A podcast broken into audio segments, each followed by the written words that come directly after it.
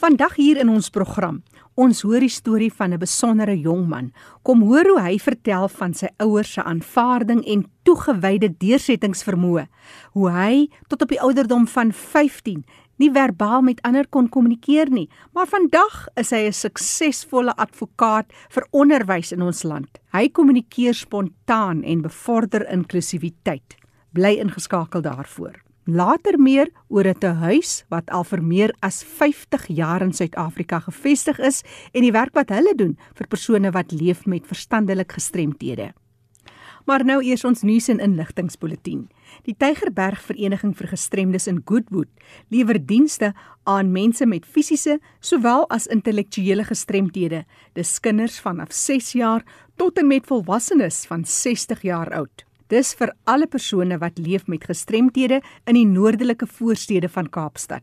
Die dienste sluit in maatskaplike werk en beradingsdienste, ondersteuning met hulpmiddels, byvoorbeeld rolstoele, ondersteuningsgroepe in die gemeenskappe, 'n beskermde werkswinkel waar persone ouer as 18 kan werk en hulle het ook 'n goedkoop winkeltjie waar jy hulle kan ondersteun. Jy kan hulle kontak op die volgende telefoonnommer 021 592 4173. Ek herhaal 021 592 4173 of stuur jou e-pos aan admin@tygerbergapd.co www.nsp.za.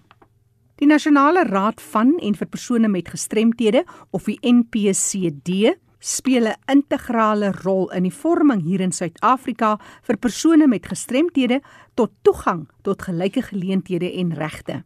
Die bewusmakingsprogramme van NCPD beïnvloed regeringsbeleid. Dit bevorder en vestig gelyke en fisiese toegang en fasiliteer en bevorder ekonomiese toename. Gesamentlik ondersteun en verbeter hierdie aksies die lewensgehalte van persone met gestremthede. Om die dienste volhoubaar te kan aanbied aan persone met gestremthede, het hulle Jan en San publiekse ondersteuning nodig. Die jaarlikse fondsinsamelingsinisiatief is Loslid Dag en dit raak al hoe makliker om hulle te ondersteun. Jy kan dit aanlyn doen deur te skenk of hulle aanlyn winkel te besoek en jou eie persoonlike digitale plakker te ontwerp. Gaan na die webwerf casualday.co.za of jy kan 'n WhatsApp stuur na 072 922 8433. Hier kom die WhatsApp nommer weer. As jy Casual Day wil ondersteun, stuur jou WhatsApp aan 072 922 8433. Onthou Loslede Dag 2021 word op die eerste Vrydag van September gevier. Vir enige terugvoer of navrae stuur jou e-pos na jackie@rsg.co.za. En nou vertel Fanie de Tooyens van 'n baie besondere jongman en hoe hy inklusiwiteit bevorder in die werk wat hy doen. Baie dankie Jackie. Vandag het ek die voorreg om te gesels met iemand met outisme. Emil Gous gaan vir ons vertel oor sy leefwêreld. Emil, vertel ons meer oor jou grootwordjare. Wel Fanie, wat ek vir jou kan sê is dit glad nie 'n maklike pad was nie. Jy weet, as jou kind gediagnoseer word met autisme, voel dit soos 'n doodsvonnis. Ek was gediagnoseer met autisme op 3 jarige ouderdom en dit was eintlik 'n voorgraadse onderwyser wat besef het dat ek autisme simptome openbaar. Die spesialiste wat my geëvalueer het, het my ouers aanbeveel dat ek in 'n instituut geplaas moet word. Maar soos dit elke ma sekere doelwitte vir hulle kinders het, wil my ma dieselfde geleenthede vir my skep as die res van die kinders in my eie portuïergroep. Ek was in 'n hoërskool geplaas en later in 'n remediërende skool en was gereeld geondersteun deur 'n ouer figuur wat nooit moed opgegee het nie. En wat so wonderlik was vir hom is is dat my ma haar nooit gesteer het aan die persepsies van die samelewing of van familielede se opinies nie. My ma se determinasie is een van die hoofredes hoekom ek vandag met jou kan praat en hoekom ek belangrik onafhanklik kan funksioneer. As jy nou terugdink aan praktiese uitdagings wat jy gehad het, is daar enkeles wat jy vir ons kan uitlig? Fanny, om jou vraag te beantwoord, moet ons verwys na die diagnose van autisme en veral ook die uitdagings wat die individu ervaar op kognitiewe vlak, emosionele vlak, sosiale vlak en fisiese vlak. Wat baie belangrik is is dat as die individu ouer word, sal die persoon nog steeds dieselfde uitdagings hê, maar 'n mens moet altyd die omgewing in ag neem. As kind was ek nie verbaal tot die ouderdom van 15 jaar en grammatikale konstruksie was een van my grootste uitdagings. Alhoewel ek in 'n gemaklike omgewing kopieerde spraak gebruik gemaak het, soos ja, dankie, het ek gesukkel om spontaan te kommunikeer. Daar was baie vooroordeele teenoor my. Nou, as ek net alkeen vinnig vir jou kan noem. Ja. Op kognitiewe vlak het ek gesukkel om om my inligting af te breek. Beplanning en organisering was altyd 'n probleem. En ek dink die emosionele vlak was ook 'n uh, groot uitdaging want met autisme het ons 'n gereelde uitdaging met veg of vlug. En die veg of vlug respons is een van die grootste uitdagings wat ek ervaar het. En in elke omgewing, jy weet, moet ons ook die sensoriese uitdagings in ag neem, visueel en auditief. Ek sien jy het laas vir my gesê dat jy was in Hoofstroom Laerskool en toe na Remedierende Hoërskool. Vertel ons 'n bietjie oor die skuif van skole en die impak wat dit op jou akademiese ontwikkeling gehad het. Ja, definitief en dit het 'n groot impak op my op my akademiese behoud gehad. Ek is 'n advokaat vir onderwys en die rede hoekom ek hier sit ook is omdat onderwys my geleentheid gegee het om 'n verskil te kan maak in mense se lewens. Nou as 'n mens die autisme spektrum so evalueer en die uitdagings op kognitiewe vlak, emosionele, sosiale en fisiese vlak, dan as jy kyk na my lewe, dan sal jy dan sal jy sien dat die skuif van hoërskool na remediërende skool 'n voordeel vir my ingehou het want die remediërende skool se klaskamers was kleiner, die werk was netjies opgesom en definitief die onderwysers was opgelei om my te ondersteun en om my te akkommodeer in die klaskamer. En baie belangrik van 'n remediërende skool wat 'n sosio-ekologiese benadering volg, was daar spesiale diensverskaffers soos 'n opvoedkundige sielkundige wat my geondersteun het op emosionele en sosiale vlak om deur elke dag se situasies te werk en om oplossings vir die probleme te vind. So definitief, daar was 'n groot bydrae tot my akademiese bou. Dis Emil Gous wat so lekker met ons gesels. Hy's iemand met outisme en ons kyk na sy leefwêreld. Emil, jy het toe universiteit toe gegaan het die uitdaging saam met jou gegaan? Nou kyk, Fanny en wat ek dit dit pas eintlik in by jou vorige vraag.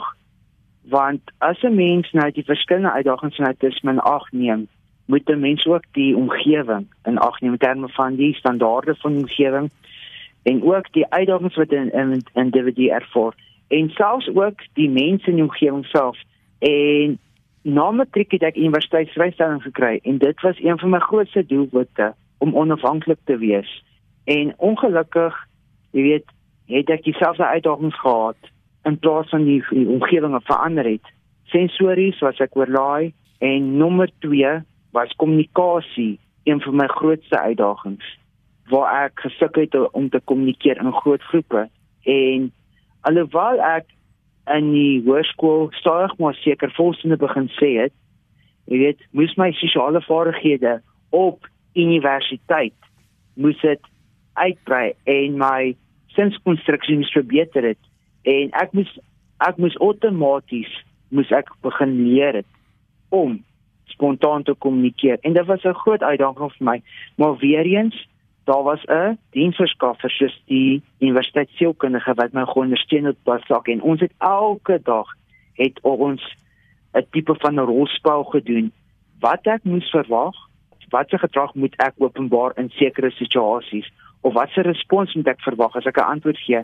En as 'n mens veral kyk met autisme, jy weet as jy die vol die universiteit die universiteitsomgewing in ag neem, is die sosiale faktor een van die grootste as aspekte ook. Die akademiese belange maar sosiaal dink ek is een van die belangrikste dinge om te oorleef in 'n universiteit op 'n universiteit.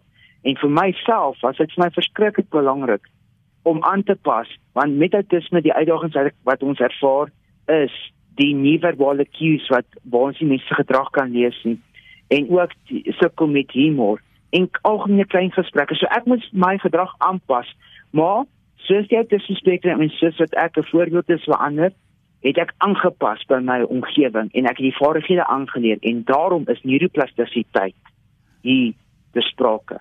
Emil, ek kan luister na jou is so motiverend om so te luister hoe jy insig in jou eie uitdagings het. Die tyd hardloop uit. Ek wil net twee vragies nog vir jou vra. Die eerste is hoe hoekom het jy onderwys gekies om te studeer? En dan wil ons ook bietjie gesels oor jou studies, jou doktorale studies. Maar vertel eers vir ons hoekom het jy onderwys gekies? En dit is 'n baie belangrike vraag van want ek voel dat ek wil graag verskil maak in die onderwys en ek wil graag 'n verskil maak. Nie net met die kinders met autisme nie, maar ek wil graag 'n verskil maak vir die ouers. Ek wil graag die ouers se basis sterk maak om vir vir die ouer moed te gee. En ek wil graag ook die kind ook inspireer om seker maak dat hy sy doel te bereik. Jy weet, hulle sê dat onderwys plaas jouself in die kinders se skoene. En as jy veral kyk met die autisme spektrum, jy weet meerderheid van ons kinders op die autisme spektrum is werkloos en veral kyk in onderwys daar onder die onderwysstelsel is so breed dat daar nie geleenthede vir onderwys is vir ons kinders op die autisme spektrum nie. En ek wil dit graag verander en ja. daarom as jy kyk na my eie lewe, het onderwys 'n groot rol gespeel tot waar ek vandag is. En ek voel dat as ons die onderwys reg kan kry in ons land, sal dit nie net die geleenthede, verdere geleenthede skep vir kinders op die autisme spektrum nie, maar dat sou ook vir werksgeleenthede skep vir hulle vaardighede leer wat hulle kan toepas. En dit is my verskeie belangrik om daai lig te wees sodat ons 'n verskil kan maak in die onderwys en nommer 2 sodat ons 'n verskil kan maak in die land ja. waar ons 'n inklusiewe uh land kan skep waar almal geakkommodeer kan word. Ja, dis is prysenswaardig. Die laaste vraag van my kant af, sê ons net gou vinnig iets oor jou studies. Jy is besig met jou PhD. Vertel ons gou daaroor net. Waarvan jy ek doen 'n oceanografie wat my navorsingsmetodologie is wat ek volg. En met alle oceanografie studies is ek die hoof deelnemer waar ek in eerste persoon my ervarings in 'n narratiewe formaat vertolk. Dit is eintlik 'n autobiografie, maar dit is dit is 'n dit is dis word 'n narratief vertolk. Nou my studie analiseer ook die hele hoër onderwysstelsel, die universiteite as 'n gemeenskapsinstansie. En wat my hoof doen hoof doen wat is is dat jy weet ek wil graag op my eie universiteitsloopbaan fokus waar ek die aspekte identifiseer wat beïnvloed wat my universiteitservarings beïnvloed het. Maar die ding is nou ek analiseer dit volgens die verskillende ideologieë wat toegepas word op universiteit in terme van manlikheid, buigsaamheid en witheid. Nou die vraag is hoe beïnvloed die ideologie die ervarings en die funksioneringsvlakke van die minderheid op op universiteit. Nou dit is nie net mense met gestremdhede dit dit sluit in dames, homoseksualiteit, klas en wat dit beïnvloed en die houdings en die redelike aanpassings wat gemaak moet word om die mense te akkommodeer. So ek wil graag die hele onderwysstelsel of die hele hoë onderwysstelsel verander sodat ons die redelike aanpassings kan maak. Sodat ons al hierdie vroeë ideologie wat wat almal beïnvloed het verwyder sodat ons 'n inklusiewe hoër onderwysstelsel kan sê wat almal akkommodeer en nie teen mense diskrimineer nie. Dis fantasties. Emil, ek sê vir jou jy is 'n rolmodel vir baie mense in hierdie land en is fantasties om met jou te kon gesels. As iemand jou nou wil skakel om sommer net navraag te doen oor wat jy gesê het of oor die leefwêreld van iemand met autisme, waar kan hulle jou kontak? Waarvan jy kan vir my e-pos stuur. My e-posadres is die volgende: email.huis@edu360.education as ek my e-posadres weer vir jou kan gee. Ja, asseblief. email.gous@ag360.education. Ja, dis die kontak besonderhede van Emil Gous. Emil, baie sterkte met jou pad vorentoe en hou ons op hoogte met jou studies gaan. Baie dankie van. Ja, Jackie, dit is regtig waar wonderlik as iemand met 'n gestremdheid self so na vore kom. Dis so in lyn met die beleid oor die mens met 'n gestremdheid se regte opstaan en sê kom ons maak 'n bydrae. Dit's 'n pragtige voorbeeld wat ons nou vanmôre na geluister het. Indien jy e-pos na my wil stuur, my e-pos is fani.dt by mweb.co.za. Groetens uit Kaapstad. Baie dankie aan kollega Fanie de Tooi. En nou gesels ek hier in die program Leefwêreld van die gestremde oor die Avril Elizabeth de Huys. Hulle is al 51 jaar oud. Nou nou meer hieroor, net vir jou noem. Hierdie program is beskikbaar as 'n potgooi. Jy kan gaan luister op rsg.co.za. My gas vandag is die skakelbeampte van die Avril Elizabeth de Huys vir mense wat leef met verstandelike gestremthede. Ek gesels met Sharon Noble. Sharon, ek onthou as dogter op skool het ek hierdie naam gehoor. Daar was al vele bewusmaking gekweek juis vir die werksaamhede en vir die inwoners van die Avril Elizabeth Huis. Vertel ons meer oor hierdie plek. Avril Elizabeth Huis is gestig in 1970. So ons is daar amper 51 jaar oud. Ons voorsien versorging vir 150 eh, gestremde kinders en volwassenes tussen die ouderdom van 7 jaar en 77 jaar. Sharon en almal bly daar lewenslank. Vertel ons 'n bietjie oor die logistieke en meer oor die operasionele dinge. Hoe werk dit daar by julle? Dit was 'n ou skool, daai 50 jaar terug het ons ehm um, dit oorgekoop en ons het daar oopgemaak. Die die huis was eers in 'n klein huisie in Kensington in Johannesburg gestig, maar toe het hulle te, te veel inskrywings gekry vir meer verblyfplek. Toe moet hulle uitbrei en 'n groter plek kry. En wie is Avril Elizabeth? Avril Elizabeth was 'n klein meisietjie wat op die waglys was om ingeneem te word by die tuis 50 jaar terug, maar ongelukkig voordat uh, die die deure geopen het, het sy gesterf ongelukkig. So dit is hy nou na haar genoem. Was dit haar ouers of hoe is haar naam uiteindelik gekies? Dit was 'n welsynwerker wat uh, betrokke was by die tuis wat haar naam voorgebring het en hulle het besluit om dit Avril Elizabeth Hayes te noem. Ah, oh, dis mooi Sharon. Vertel ons bietjie meer oor hoe leef die mense daar? Is daar 'n huismoeder en hoeveel mense is in 'n huis en hoe werk julle elke dag? Ons het 4 huise met huismoeders en elke huis het 16 inwoners. Uh, en dan het ons ook die ehm um, die ander kant van die huis waar daar tot 16 in een plek bly, saam bly. Daai wat in die, in die groot kamers bly, saam bly, hulle is ehm um, baie erg gestremd. Ehm um, so hulle kan nie alleen bly nie en daai wat nou minder gestremd is, hulle bly in die vierde huise saam met die huismoeders. Baie persone met verstandelike gestremthede, Sharon, leef uit die aard van die saak en ontwikkel ook fisiese gestremthede. Wat is die situasie daar by die Avril Elizabeth huis vir persone met verstandelike gestremthede? 'n groot getal van ons inwoners is fisies ook gestremd. Dit is nou hulle word van albei kante het hulle die, die gestremdhede en dit is vir hulle ons baie moeilik om om oor die weg te kom en dinge vir hulle self te kan doen. Hmm. Sharon, net die ouderdomsgroepe is so wyd versprei en so ook die vingerafdruk van elke persoon wat leef met 'n verstandelike gestremdheid. Hoe bring julle dit bymekaar as julle aktiwiteite moet doen en so meer? Okay. Daai wat baie erg is, ehm um, hulle kry al die versorging wat hulle nodig het. Ehm um, hulle word gebad, hulle word gevoer, alles word vir hulle gedoen. Dan is daar ander wat effens dingetjies vir hulle self kan doen, so hulle kan hulle self voer of hulle kan miskien hulle self aantrek en so aan. Baie van hulle is in, in doeke. Alles word self vir hulle moet gedoen moet word. Vertel ons meer oor die aktiwiteite wat jy inbou met julle persone. Okay, ons het baie stimulasie aktiwiteite. Uh ons het 'n klaskamer en ons het 'n dametjie wat daar saam met hulle werk en sy gee vir hulle uh, dingetjies om te doen soos inkleer en naaldwerk te doen, daai wat kan naaldwerk kan doen.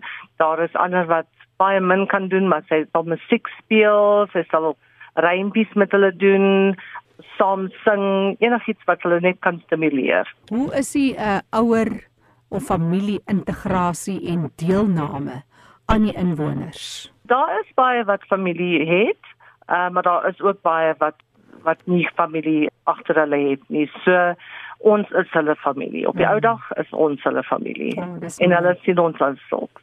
Ons is almal dieselfde. As ons werk toe gaan, as ek die dag werk toe gaan, almal is dieselfde. Ons almal praat, ons almal doen dinge saam.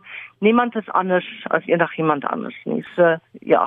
Wat is van jou lesse wat jy moes leer by die Avril Elizabeth Huis? En wat maak jou opgewonde om hierdie werk te doen? Dit is fantastiese werk om te doen. Ehm um, daar's baie liefdevolheid, ehm um, daar's baie glimlag. As jy daar inloop, voel jy daai liefdevolheid. Dit almal is net ja. Ek weet as jy 'n gesiggie sien, dan breek hulle uit in 'n glimlag. Mm. En en dit is dit is vir ons fantasties om dit kan te kan doen op 'n daaglikse basis. Na 50 jaar, wat is van julle hoogtepunte, suksesse wat sonder jy uit? Wel, die feit dat ons 50 jaar bestaan, mm, is absoluut. een, is 'n mm. groot een.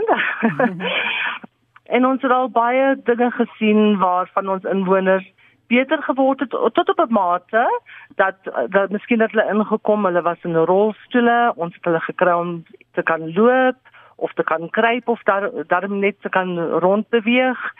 Baie van hulle leef nou en en hulle kan gesel, geselskap hou met jou.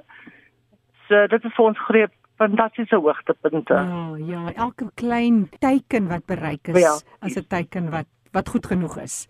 Presies. Jy het gepraat van die klein dogtertjie Avril Elizabeth. Julle plek is vernoem na haar. Sy het ongelukkig gesterf voordat sy uiteindelik daar kon kom bly. Maar wat is die lewensverwagting daar by die Avril Elizabeth? Jy praat van 'n 77-jarige wat daar is?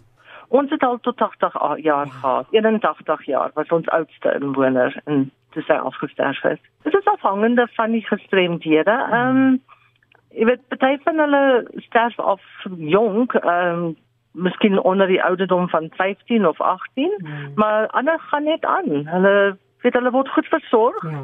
En dit is wat tel. Want ons het ons mediese versorging ook daar so, ons het ons ons uh, verpleegsters wat 24 ure 'n uh, dag daar werk, so laat al ewig verpleegsters daar en ons ons dokter wat inkom wanneer ons hom nodig het. So ehm um, ons versorg goed vir hulle en hulle kan lank leef. Hulle kan 'n hele leeftyd leef.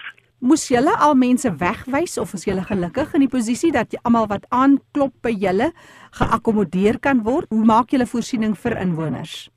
Okay, ons ons waglys is lank. Dit is ontsettend lank want ons het nie baie wat afsterf nie. Mm. So, jy weet as net as daar plek leeg word, dat ons miskien kan iemand inbring. Uh en dit is ook afhangend van in watter afdeling hulle sal inpas. So as hulle erg gestremd is, kan hulle nie in die uh, ander uh, een, een van die ander afdelings inpas nie. So dan moet hulle maar wag tot daar 'n uh, opening daar kom. Mm. Maar ons ons waglys is baie lank, ongelukkig. Wel, dis jammer. Sharon, maar julle het nou 'n baie lekker ding wat julle van stapel wil stuur, juis om bietjie bewusmaking te kweek en net weer vir mense te vertel, Avril Elizabeth te huis vir verstandelik gestremde persone is aan die gang. Vertel ons bietjie meer oor hierdie inisiatief.